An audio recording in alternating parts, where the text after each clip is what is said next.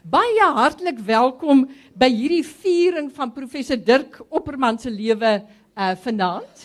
Uh ek is jammer dit in my 15 jaar van woordfees het dit my nooit oorgekom wat vanaand oorgekom het en dit is dat ons by 'n lokaal aankom en hy is nie beskikbaar skielik nie. Daar's 'n skielike toets hier ingeglip, maar ons is almal dienaars van die akademie en ons het nou heerlik wyn gedrink en vooruit gekuier, voor en almal is nou in 'n heerlike gesellige bui. Dit gaan 'n lekker informele aand wees soos julle kan sien. So miskien is dit ook glad nie so sleg nie. Ons 'n programmetjie het natuurlik nou net in die proses moet 20 minute aangeskuif. So met julle moet nou al hierdie tye moet julle net julle hoofrekening asseblief gebruik. Nou kyk Opperman is eintlik op die 29 September eers 100 jaar gelede gebore. Dit is eintlik sy 100ste verjaarsdag. Maar vanaand is ook ontsettend besonder en belangrik want hy's op 22 September 1985 oorlede. En dit beteken dit is nou vandag presies 29 jaar uh, gelede. Nou ons huldig hom en ons huldig ook sy vrou Marie, 'n merkwaardige mens, baie sterk en 'n baie aangename persoonlikheid wat hom deur baie jare uh, gedraai het. Nou is vir ons 'n wonderlike voorreg om hierdie 2 dae te herdenk in die saal waar Opperman se oud studente hom vir die eerste keer leer ken het as dosent. Hier het ons klas gehad sonder enige mikrofoon en hy was hy het nie 'n harde stem gehad nie, so hy moes baie voorsit, maar die klas het gestrek toe daar agter amper so groot soos vanaand uh, se groep mense hier. So ek het altyd gesorg dat ek heel voorsit en ek het as ware elke woord wat hy sê so gegryp vir die ander studente dit kon kry dat in my digbundels neergeskryf en ek het dit onbeskaamd my hele lewe lank gebruik vir my aantekeninge want dit was die wonderlikste goed wat hy gesê het. As jy dit gehoor het, dit was fantasties en dit was die moeite werd. Nou baie dankie dan aan ons kollegas wat hierdie uh saal nou bietjie laterig maar dit wel vir ons gratis beskikbaar gestel het vanaand. Ek hoop hy is van die kollegas wat ek het gesê hulle is baie welkom om dit by te woon. Dion Petersen wat vanaand hier aan diens is, kom ook al 'n lang pad met ons uh departement saam. Hy was ook saam met ons in hierdie gebou, maar ons het natuurlik reeds in 1997, julle sal miskien onthou die luisterryke Afrikaans boefees wat ons destyds ook hier gevier het toe ons verhuis het na die boonste vloer van die lettere gebou. Nou in elk geval baie dankie vir die gebou.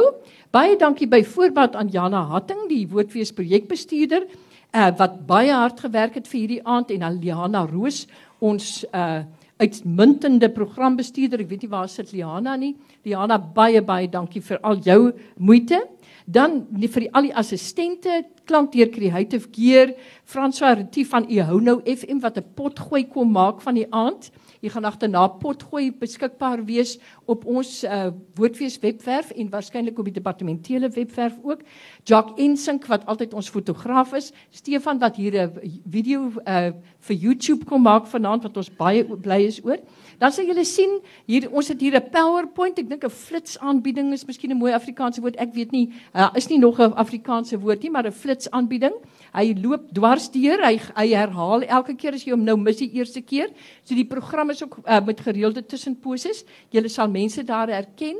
Uh ons het ook uh, ek het uh, lank gesit in uit John Kannemeyer se biografie 'n uh, klomp feite gehaal. Mens kan natuurlik nie 'n hele lewe vasvang in 'n in so 'n flits aanbieding nie, maar julle is uh, meer as welkom om daarop te kyk.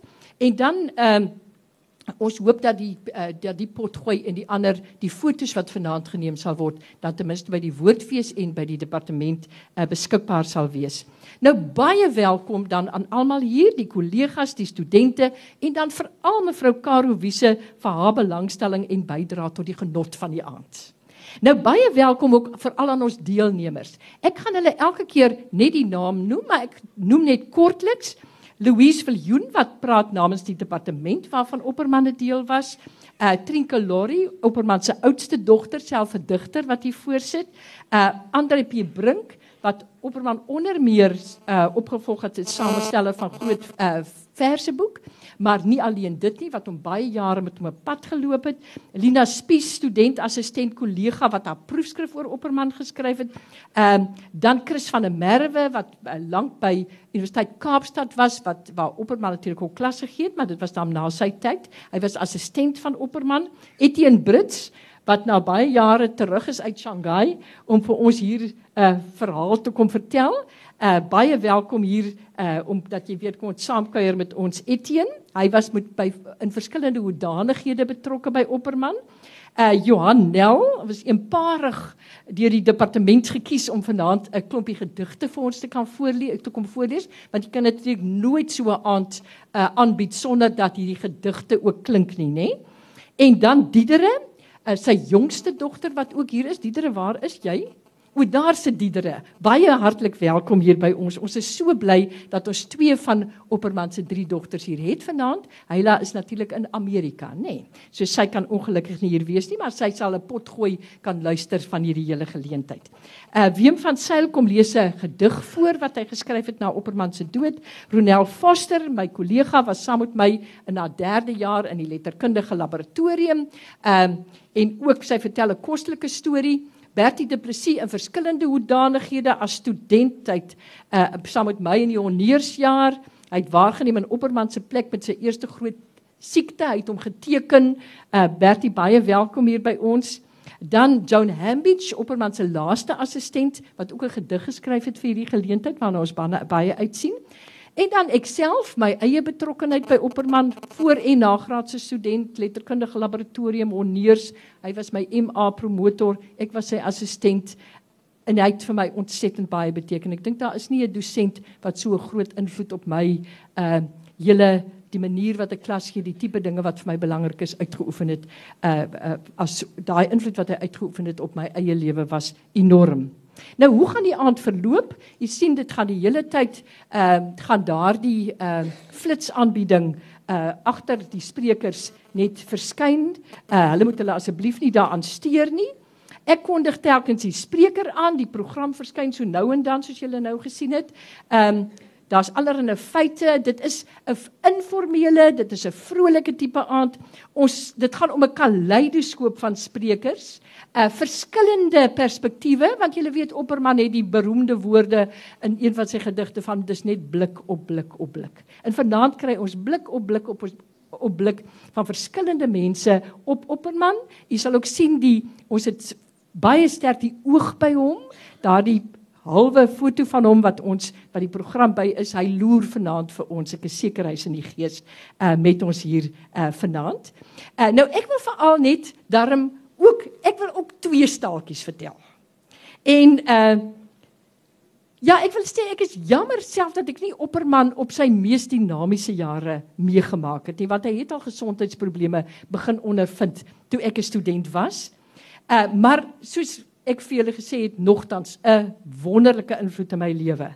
Maar ek het hom toe ook na eh, na die tyd met sy heropstanding het ek hom meegemaak en wat 'n belewenis. Ehm uh, nou tog is dit baie interessant dat die klein menslike trekkies vir 'n mens baie keer baie langer bybly as baie dinge wat 'n dosent vir jou sê. Destyds was dit so 'n bietjie van 'n tradisie dat die dosente die honneurstudente tuis onthaal. En dit was 'n wonderlike tradisie. Ek moet sê waar ons hulle regtig as mense leer ken het. Nou onthou nog hoe ek en weer mekaar eintlik vir ons maande lank verkneukel oor die feit dat mevrou Opperman het verstik een aand. En toe slaan hy haar op die rug en hy sê: "Silly has." En daardie silly has was vir ons so kostelik, want dit het ons nou nooit van die deurligtige professor Opperman uh verwag nie. En dan 'n baie mooi storie in die departement wat Anet Tron, ook nou al lankal sadiger vir ons vertel het, was dat die ou professore en ek het agterna uitgevind Opperman doen het al sy berekeninge sy hele lewe lank in Engels gedoen omdat hy natuurlik Engels 'n uh, laerskoolopleiding gehad het. Maar hulle sit die dag daar by 'n puntevergadering En toe besluit die professore maar hulle sit nie heeltemal reg nie en hulle sê toe maar elkeen moet net een plek opskuif. En natuurlik, dit was nou die ou vier grootes in die departement, nê? Professor Opperman en dit was W.E.G. Lou en dit was Willem Kempen en Meyer de eh, de Villiers wat ons nou sommer Meyer Muff genoem het, wat nou nie baie mooi is nie, maar ons het maar vir hom so genoem. En daar besluit Meyer Muff toe die aand hy skuif op met stoel en al. Nou het ons ook verskillende perspektiewe op daardie saak gekry want professor Lou het self vir ons agterna vertel wie gee Dit is baie uitstekend dat hy so fiks is dat hy elke dag so swem op sondraai. Want hy het toe nou net op die grond geland en toe hy as ware met 'n veerkragtige bons omtrent so Superman weer oorent gespring. Dit was sy weergawe. Ons die ander weergawe wat ons gehoor het is dat hy skielik net uit heeltemal uit sig verdwyn het en taamlik hard op die vloer gaan sit het, maar dan opperman wat die hele puntevergadering deur soos 'n stout skoolseun gesit en giggel het. Hy kon dit nou nie hou nie. Dit was vir hom die wonderlikste ding wat gebeur het. en dan ter afsluiting van my eie gedeelte dan nou net 'n baie kort en 'n gepaste fragment uit 'n gedig wat Sandra Besuitnout geskryf het. Ons eie Stellenbosse geleentheidsdigter sit ook daar aan die ander kant. Intussen klink die groot groot gees in verse boeke, lesingsale en programme. Enkeles hoor snags in dennenaalde die geruis van fyn stellasies woord. Nou laat dit vanaand ook so wees. Lekker luister en ons hoop daar is vanaand iets aanwesig van die groot groot gees van die Opperman. Baie dankie.